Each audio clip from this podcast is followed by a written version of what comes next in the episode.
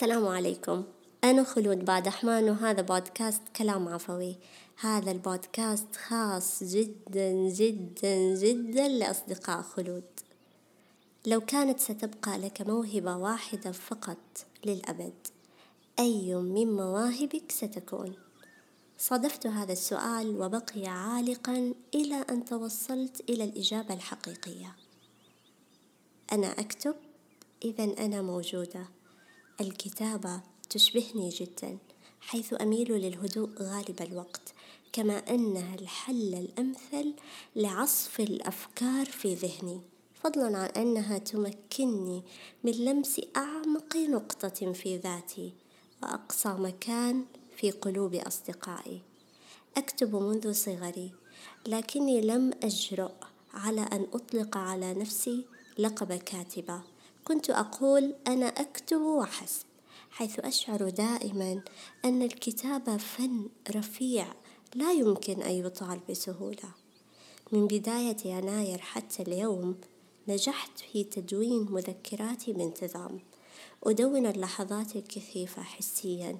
الأفكار العابرة بعض المحادثات الثرية الرسائل التي لن تصل الآمال الرجاءات والمناجاة الخفية. يساعدني التدوين المستمر في النظر لعالمي الداخلي بعين الملاحظ الواعي مما يتيح لي الإدراك لما يحدث والتسامي عما لا يستحق. الكتابة هي أعمق طرق التواصل مع الذات.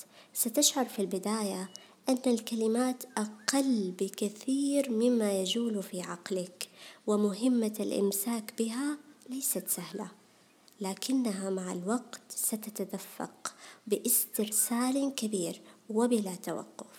ليس المطلوب منك أن ترتبها أو تنمق أسلوبك كل ما عليك أن تدع الفكرة على سجيتها.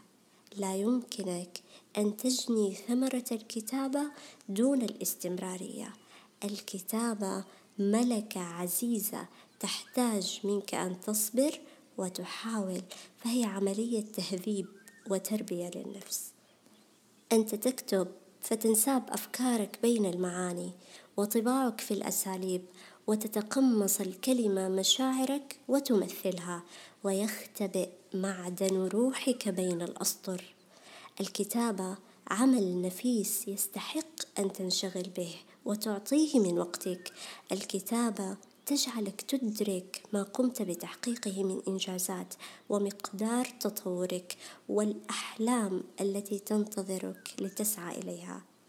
دائما أقول أن الكتابة هي عمل شجاع. لا يستطيعه أي أحد. قبل فترة كنت منسجمة في قراءة خاطرة جميلة جدا وممتلئة بمشاعر حب أنيقة. إلى أن وصلت لآخر سطر كتب فيه بقلمي المتواضع الذي لا يمثل الواقع. جاءت العبارة أشبه بنفي تهمة. أرى أن للشعور قدسيته وحين يصاغ أدبيا فالقدسية تضاعف فيه. كما يجب علينا تقبل أننا معرضون لكل المشاعر دون نبذ بعضها. الكتابة تحتاج لجرأة عظيمة ولكي لا تكون تهورا ومجازفة كبيرة فالبلاغة تفي بأغراضها. ما يجعلني أميل للكتابة هي أنها مساحة متسعة ورحبة وقابلة للتمدد والتشكل وفق ما أريد. أستطيع من خلال نص واحد أن أعبر بجدية مطلقة وأشاغب ما بين السطور وألعب مع الكلمات لأصيب المغزى الذي لا يطال بسهولة. ما يجعلني أميل للكتابة أيضا بأنه لا يمكن لكاتب أن يكتب نصا لا تنساب فيه روحه. وترى طبيعته الشخصية في انتخابه للكلمات ووصفه للشعور. يقول أحمد أمين في مقدمة كتابه حياتي أصدق كاتب في نظري من احتفظ بشخصيته وجعل أفكاره وعواطفه تمتزج امتزاجا تاما بأسلوبه. وخير أسلوب عندي. ما أدى أكثر ما يمكن من عسر وغموض والتواء. وراعك بجمال معانيه أكثر مما شغلك بزينة لفظه. وكان كالغانية تستغني بطبيعة جمالها عن كثرة حليها. انتهى كلامه. الكتابة تحتاج استمرارية لتصل لحد البراعة والإبداع ومفتاحها كتابة يومياتك.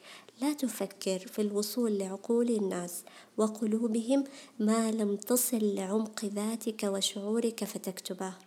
وأول خطوة للولوج لعالم الكتابة هي أن تكتب لنفسك وعن نفسك ثم تشارك تجربتك الإنسانية بعد أن تصقلها وتجعل منها مادة قابلة للاستفادة. فكل فكرة قابلة للتدوين ولكن ليست كل فكرة قابلة للنشر.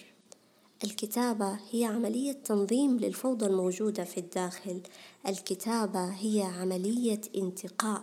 يقول ابن المقفع إن الكلام يزدحم في صدري فيقف قلمي لأتخيره.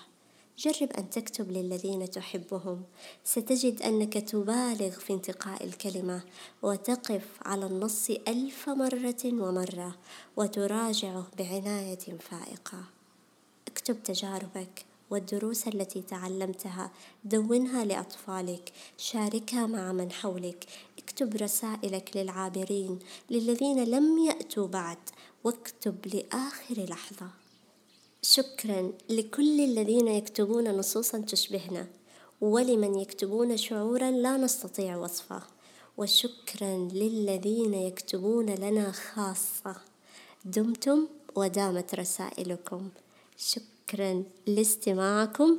لا تنسوا مشاركة الحلقة مع الناس اللي تحبوهم بس اللي تحبوهم. ونلتقي بإذن الله تعالى في حلقات قادمة.